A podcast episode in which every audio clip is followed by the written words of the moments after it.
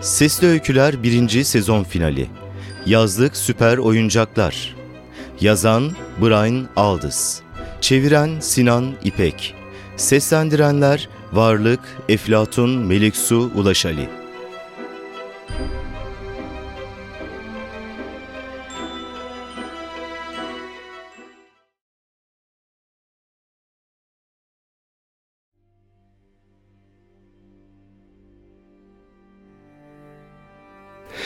Bayan Swinton'ın bahçesinde mevsim hep yazdı. Bahçenin ortasına hiç dökülmeyen yapraklarıyla güzel badem ağaçları dikilmişti. Monica Swinton sarı bir gül koparıp David'e gösterdi. Ne güzel değil mi? diye sordu. David başını kaldırıp baktı ve yanıt vermeden sırıttı. Ardından çiçeği kaptığı gibi çimenliği boydan boya geçti ve içinde biçici robotun çömeldiği köpek yuvasının ardında kayboldu. Biçici her zaman gerekeni yapmaya hazır bir şekilde kulübesinde beklerdi. Bu bazen çimleri biçmek, bazen süpürmek, bazen de onları katlamak olabilirdi. Monika, sabit plastik çakıl taşlarından yapılmış patikanın ortasında tek başına kalmıştı. Monika onu sevmeye çalışıyordu. Oğlanı kovalamaya karar verdi. Onu arka bahçedeki havuzun içinde çiçeği yüzdürürken buldu. Havuzun içinde ayakta dikiliyordu çocuk. Ayağında sandallar vardı. David, canım, bu kadar korkunç olmak zorunda mısın? İçeri gir ve ayakkabınla çorabını değiştir. David karşı çıkmadan kadının peşinden eve girdi. Koyu renkli başı kadının bel hizasına ulaşıyordu. 3 yaşında olduğu halde mutfaktaki ultrasonik kurutucudan korkmuyordu. Annesi yeni bir çift terlik getirmeye niyetliydi ama David kadının elinden kurtularak evin sessizliğine kaçtı. Teddy'yi arıyor olmalıydı. 29 yaşında, güzel bedenli, parlak gözlü bir kadın olan Monica Swinton oturma odasına geçti. Ellerini zarif bir şekilde koltuğun yanlarına yerleştirdi. İlk başta oturup düşünüyorken şimdi sadece oturuyordu.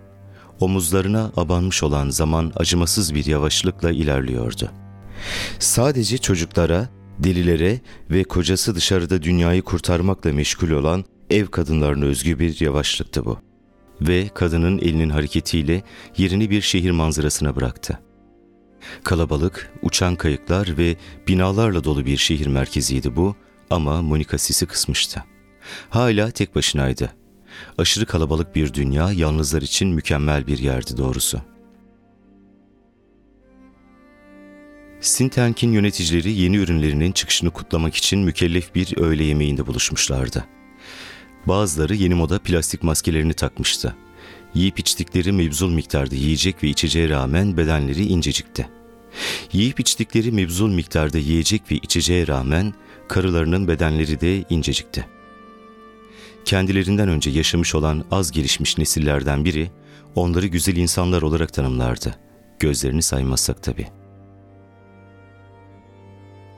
Sintenk'in genel müdürü Henry Swinton bir konuşma yapmak üzereydi. Karınızın sizi dinlemek için burada olmaması ne kötü, dedi yanındaki adam. Monica evde oturup güzel şeyler düşünmeyi tercih ediyor, dedi Swinton gülümseyerek. Öyle, Güzel bir kadından da ancak güzel düşünceler beklenir, dedi yanındaki adam. Karımı düşünmeyi bırak, piç herif, diye düşündü Swinton hala gülümseyerek. Alkışlar arasında konuşmasını yapmak üzere ayağa kalktı. Birkaç espriden sonra şöyle dedi. Bugün şirketimiz için gerçek bir devrim yaşanıyor. Dünya pazarlarına ilk sentetik yaşam formunu sunuşumuzun üzerinden neredeyse 10 yıl geçti.'' Nedenli başarılı olduğumuzu hepiniz biliyorsunuz. Özellikle de minyatür dinozorlar düşünüldüğünde. Ama hiçbiri zeki değildi. Günümüzde bu çağda yaşamı yaratıp zekayı yaratmamamız çelişki gibi görünüyor. İlk ticari ürünümüz olan Krasville tenyası hem en çok satan hem de en aptal ürünümüzdü. Herkes güldü. Aşırı kalabalık dünya nüfusunun dörtte üçü açlık çekerken biz buradaki şanslılar nüfus kontrolü sayesinde ihtiyacımız olandan fazlasına sahibiz. Bizim sorunumuz yetersiz beslenme değil, obezite. Sanırım bu masada ince bağırsaklarında Krasvil tenyası taşımayan kimse yoktur. Mükemmel biçimde güvenilir olan bu parazit, konukçusunun normalden %50 daha fazla yemesini sağlar ve bu arada şişmanlamasını önler. Haksız mıyım? Herkes başını sallayarak onayladı. Minyatür dinozorlarımız da en az onun kadar aptaldır. Ama bugün zeki bir sentetik yaşam formunu piyasaya sürüyoruz. Gerçek boyutlu bir hizmetkar adam. Zekaya sahip, üstelik kontrollü bir zeka bu. Gerçek bir insan beynine sahip bir varlık insanları ürkütebilirdi. Oysa hizmetkar adamımızın kafasının içinde küçük bir bilgisayar var. Gerçi piyasada mini bilgisayar beyinleri sahip mekanik modeller zaten var. Yaşamayan plastik şeyler, süper oyuncaklar ama biz bilgisayar devrelerini sentetik etle birleştirmeyi başardık.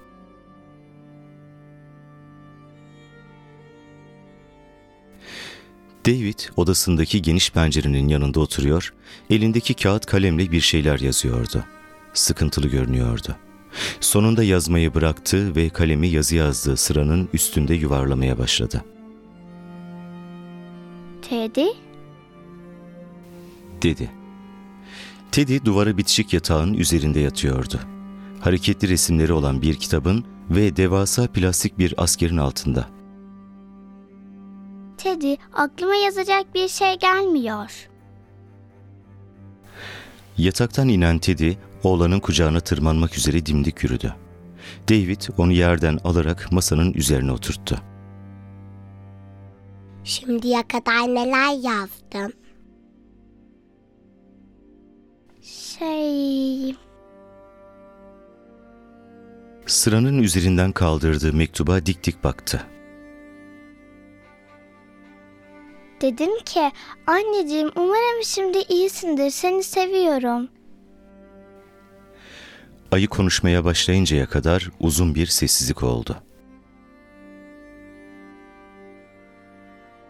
İyi görünüyor. Hadi aşağıya. Ona ver. Yine uzun bir sessizlik. Tam doğru yazamadım, anlamayacak. Ayının beynindeki bilgisayar bütün olasılıkları gözden geçirdi. Bunu neden boya kalemlerinden yazmıyorsun? David yanıt vermeyince ayı soruyu tekrarladı. Neden boya kalemlerinden yazmıyorsun? David pencereden dışarıya bakıyordu.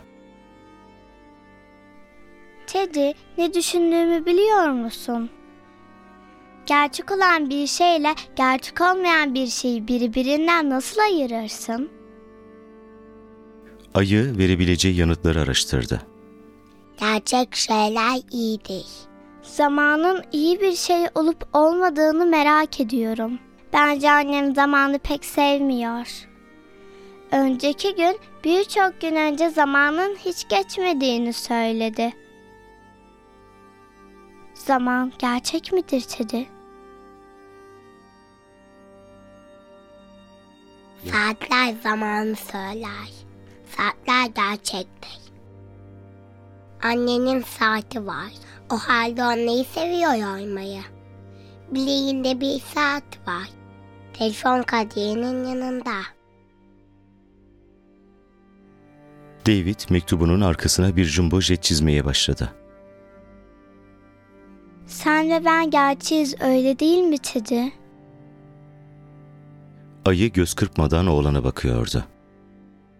Sen ve ben gerçeğiz David. İnsanları rahatlatma konusunda uzmanlaşmıştı.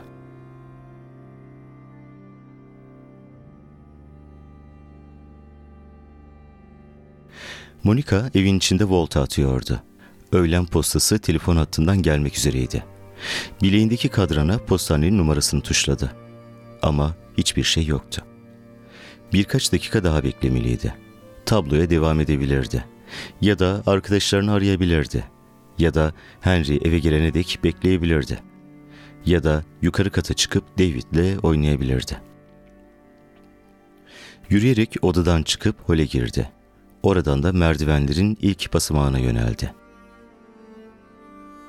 David! Yanıt yok. Yeniden bağırdı. Tam üç kez. Teddy! Diye bağırdı daha cırlak bir tonla. Evet anne. Bir dakikalık bir bekleyişten sonra Teddy'nin altın tüylü başı merdivenin en üst basamağında belirdi. David odasında mı Teddy? David bahçeye çıktı anne. Buraya gel Teddy. Tüylü ayı bacaklarıyla basamakları birer birer inerken kadın sabırla bekledi. Aşağı ulaştığında onu yerden aldı ve oturma odasına götürdü. Kucağına yatırdı. Ayı gözlerini kadına dikmişti. Kadın oyuncağın motorunun en küçük kıpırtılarını bile hissedebiliyordu. Şimdi şuraya otur Teddy. Seninle konuşmak istiyorum. Ayıyı sehpanın üstüne oturttu. Ayıcık kendisinden beklendiği gibi hiç hareket etmedi. Kolları ileri doğru açılmış, kucaklama pozisyonu almıştı. Teddy, David bahçeye gittiğini bana söylemeni istedi mi senden? Ayının beyin devreleri böylesine karmaşık bir soru için fazla basitti. Evet anne. Yani bana yalan söyledin. Evet anne. Bana anne deyip durma. Neden David benden kaçıyor? Benden korkmuyor değil mi? Hayır seni seviyor. O halde neden onunla iletişim kuramıyoruz? David katta. Bu yanıt kadını afallattı. Bu makineyle konuşarak neden vakit kaybediyordu ki? Neden yukarı çıkıp David'e sarılmıyor ve onunla konuşmuyordu? Tıpkı oğlunu seven bir annenin yapacağı gibi. Kadın evdeki sessizliğin yükünü üzerinde hissetti. Her odadan kendine has bir sessizlik akıyordu. Üst katta bir şey yavaşça hareket etmekteydi. David ondan kaçıp saklanmaya çalışıyordu. Konuşmasının sonuna gelmek üzereydi. Dinleyiciler dikkat kesilmişti. Yemek odasının iki duvarına dizilmiş olan basın mensupları da öyle. Henry'nin her sözünü kaydediyor, ara sıra fotoğrafını çekiyorlardı. Hizmetkar adamımız birçok anlamda bilgisayarların esiri sayılır. Bilgisayarlar olmadan sentetik etin yapılabilmesi için çözülmesi gereken karmaşık biyokimya sorunlarının üstesinden gelemezdik. Hizmetkar aynı zamanda bilgisayarın bir uzantısıdır. Çünkü beyinde bir bilgisayar bulunacak. Ev ortamında karşılaşabileceği her türlü sorunu çözebilecek denli karmaşık, mikro küçültülmüş bir bilgisayar. Bazı sorunlar dışında tabii. Buna herkes güldü. Orada bulunanlar son zamanların en hararetli tartışmasından haberdardı. Sintank Yönetim Kurulu hizmetkar adamın üniformasının altında fazladan bir şey olmaması gerektiğine karar vermişti. Uygarlığımızın başarısına rağmen evet ve tabii ki aşırı nüfus artışının getirdiği sorunlara rağmen milyonlarca insanın nasıl bir yalnızlık ve yalıtılmışlık içinde yaşadığını görmek üzücü.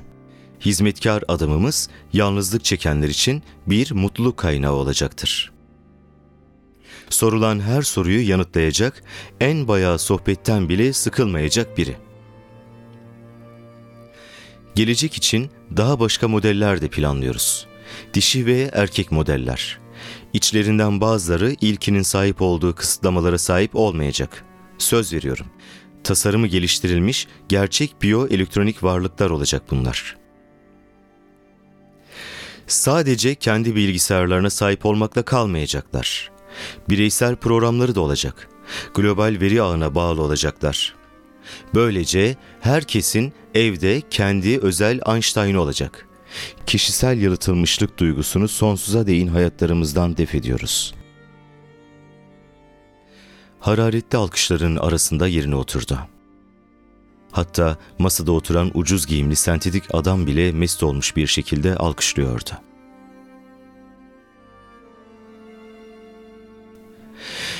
David çantasını sürükleyerek sessizce evin köşesini döndü. Oturma odasının penceresinin altındaki banka çıkıp dikkatli bir şekilde içeriye baktı. Annesi odanın ortasına oturmuştu. Boş boş bakıyordu. Yüzündeki ifadesizlik David'i ürküttü. Kadını büyülenmiş gibi izlemeye başladı. Hiç kımıldamıyordu. Annesi de kımıldamıyordu. Zaman durmuş gibiydi. Tıpkı bahçede durduğu gibi. Sonunda kadın döndü ve odadan çıktı. Bir dakika bekledikten sonra David pencereye vurdu. Teddy etrafına bakındı. David'i gördü. Masadan indi ve pencereye geldi. Beceriksiz pençelerinin uğraşı sonucunda pencereyi açmayı başardı. Birbirlerine baktılar.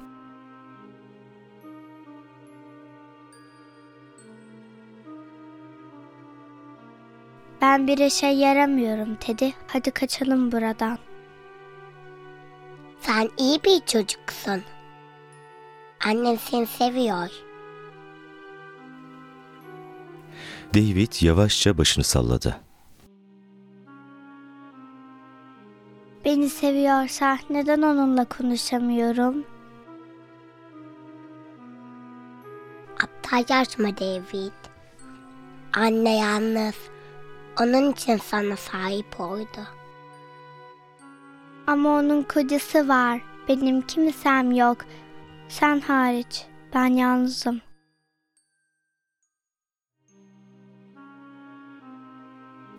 Teddy oğlanın başını okşadı. Kendini kötü hissediyorsan yeniden psikiyatrise gitsen iyi olur. O ihtiyar psikiyatristten nefret ediyorum. Bana kendim gerçek değilmişim gibi hissettiriyor. David bahçede koşmaya başladı. Ayı pencereden atlayıp bodur bacaklarının izin verdiği kadar hızlı bir şekilde David'in peşinden koştu. Monica Swinton üst kata çıkmıştı. Oğluna seslendikten sonra öylece kararsız bir şekilde bekledi. Sessizdi.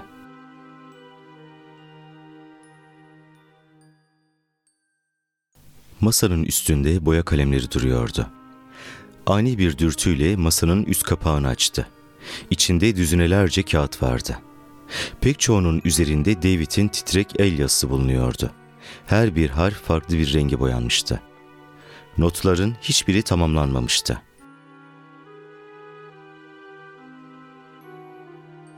Sevgili anneciğim, gerçekten nasılsın? Beni de onun kadar seviyor musun? Sevgili anneciğim, seni seviyorum ve babamı da seviyorum ve güneş parlıyor. Sevgili canım anneciğim, Teddy sana yazmama yardım ediyor. Seni ve Teddy'yi seviyor. Sevgili anneciğim, senin tek ve biricik oğlun benim ve seni o kadar çok seviyorum ki bazen Canım anneciğim sen benim gerçekten annemsin ve Teddy'den nefret ediyorum. Canım annem seni ne kadar sevdiğimi tahmin bile. Canım annem ben senin küçük oğlunum.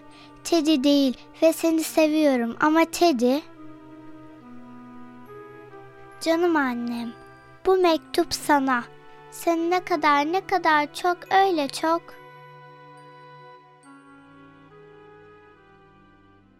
Monica kağıtları elinden düşürdü, ağlamaya başladı.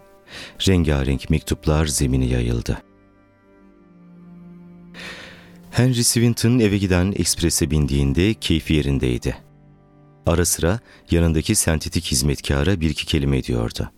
Hizmetkar kibar ve kesin yanıtlar veriyordu. Yanıtlarının tümü insan standartlarına göre her zaman konuyla ilgili olmasa bile. Swinton ailesi şehrin en zengin mahallelerinden birinde oturuyordu. Daireleri yerden yarım kilometre yüksekteydi. Diğer apartmanların arasında yerleştirilmiş olan evlerinin penceresi yoktu. Hiç kimse dışarıdaki aşırı kalabalık dünyayı görmek istemiyordu. Henry retina tarayıcıya bakarak kapının açılmasını sağladı. Peşinde hizmetkarla içeri girdi. İçeri girer girmez bitimsiz yaz mevsiminin güzel bahçesinde buldu kendini. Hologramın bu kadar küçük alanlarda böylesi büyük seraplar oluşturabilmesi inanılmazdı. Güllerin ve mor salkımların ardından ev görünüyordu. Yanılsama mükemmeldi. İnsanı içeriye davet eden George dönemine ait bir saray. Beğendin mi? diye sordu hizmetkara. Güller ara sıra kara leke hastalığına tutulur. Bu güller bütün kusurlara karşı garantilidir. Biraz daha pahalıya mal olsa bile garantili ürünleri satın almak her zaman avantajlıdır. Bilgi için sağ ol, dedi Henry kuru bir şekilde. Sentetik yaşam biçimleri henüz 10 yaşında bile değildi. Eski mekanik androidler ise 60 yaşına merdiven dayamışlardı. Sistemdeki hatalar hala güncelleniyordu. Her yıl biraz daha iyileşiyorlardı. Kapıyı açarak Monika'ya seslendi. Kadın oturma odasından çıktı ve doğruca kocasının kollarına atıldı. Onu dudaklarından ve yanaklarından tutkuyla öpmeye başladı. Henry şaşırmıştı. Yüzüne bakmak için geri çekilince kadının güzelliği gözlerini kamaştırdı. Onu böyle heyecanlı görmeyeli aylar olmuştu. İçgüdüsel olarak kadına daha sıkı sarıldı. Sana ne oldu böyle hayatım? Henry? Henry ah canım çok mutsuzdum ama öğlen postası geldi. Ve asla inanamayacaksın ama ah çok mükemmel. Allah aşkına kadın, nedir mükemmel olan? Henry kadının elinde tuttuğu fakstaki başlığı görür gibi oldu. Duvardaki alıcıdan yeni çıkmış, hala ıslak bir kağıt parçasıydı bu. Nüfus Bakanlığı. Ani bir şok ve umutla yüzündeki bütün kan çekiliverdi. Monika, ah kazandık deme bana. Evet sevgilim evet bu ayın çocuk piyangosunu biz kazandık. Artık bir çocuk yapabiliriz. Henry sevinçten bir çığlık attı. Birlikte odanın içinde dans ettiler. Aşırı nüfus baskısı yüzünden üreme sıkı bir şekilde kontrol ediliyordu. Doğum yapmak için devletin iznini almak gerekiyordu. Yıllar boyunca beklemişlerdi bu anı. Sevinç içinde delice çığlıklar atıp duruyorlardı. Sonunda durdular. Odanın ortasında nefes nefese kalmış birbirlerinin mutluluğuna gülüyorlardı. Çocuk odasından aşağıya indiğinde Monika odanın pencerelerini yeniden şeffaflaştırmış, dışarıdaki bahçenin görünmesini sağlamıştı. Yapay güneş ışığı bahçenin üstüne uzun altın ışıklarını gönderiyordu. Ve orada David ve Teddy durmuş pencereden onlara bakmaktaydılar. O ikisinin yüzlerini görünce Henry ve karısı hemen ciddileştiler. Onları ne yapacağız diye sordu Henry. Teddy sorun çıkarmaz. Hala iyi durumda. David bozuldu mu? Sözel iletişim merkezi bozulmuş. Sanırım fabrikaya dönmesi gerekiyor. Tamam, bebek doğuncaya kadar kalsınlar. Sonra duruma bakarız. Ha bu arada aklıma geldi. Sana bir sürprizim var. Tam ihtiyacın olduğunda sana yardım edecek bir şey. Salona gel de göstereyim. İki yetişkin odadan çıkınca oğlan ve ayı standart güllerin ardına oturdular. Teddy, sanırım anne ve baba gerçekler değil mi? Aptalca söyley sorma David. Kimse gerçeğin gerçekten ne olduğunu bilmez. Hadi içeri girelim. Önce bir gül daha koparacağım. Kopardığı pembe gülle birlikte eve girdiler. Uyurken yastığının üzerinde durabilirdi bu gül. Güzelliği ve yumuşaklığıyla ona annesini anımsatacaktı.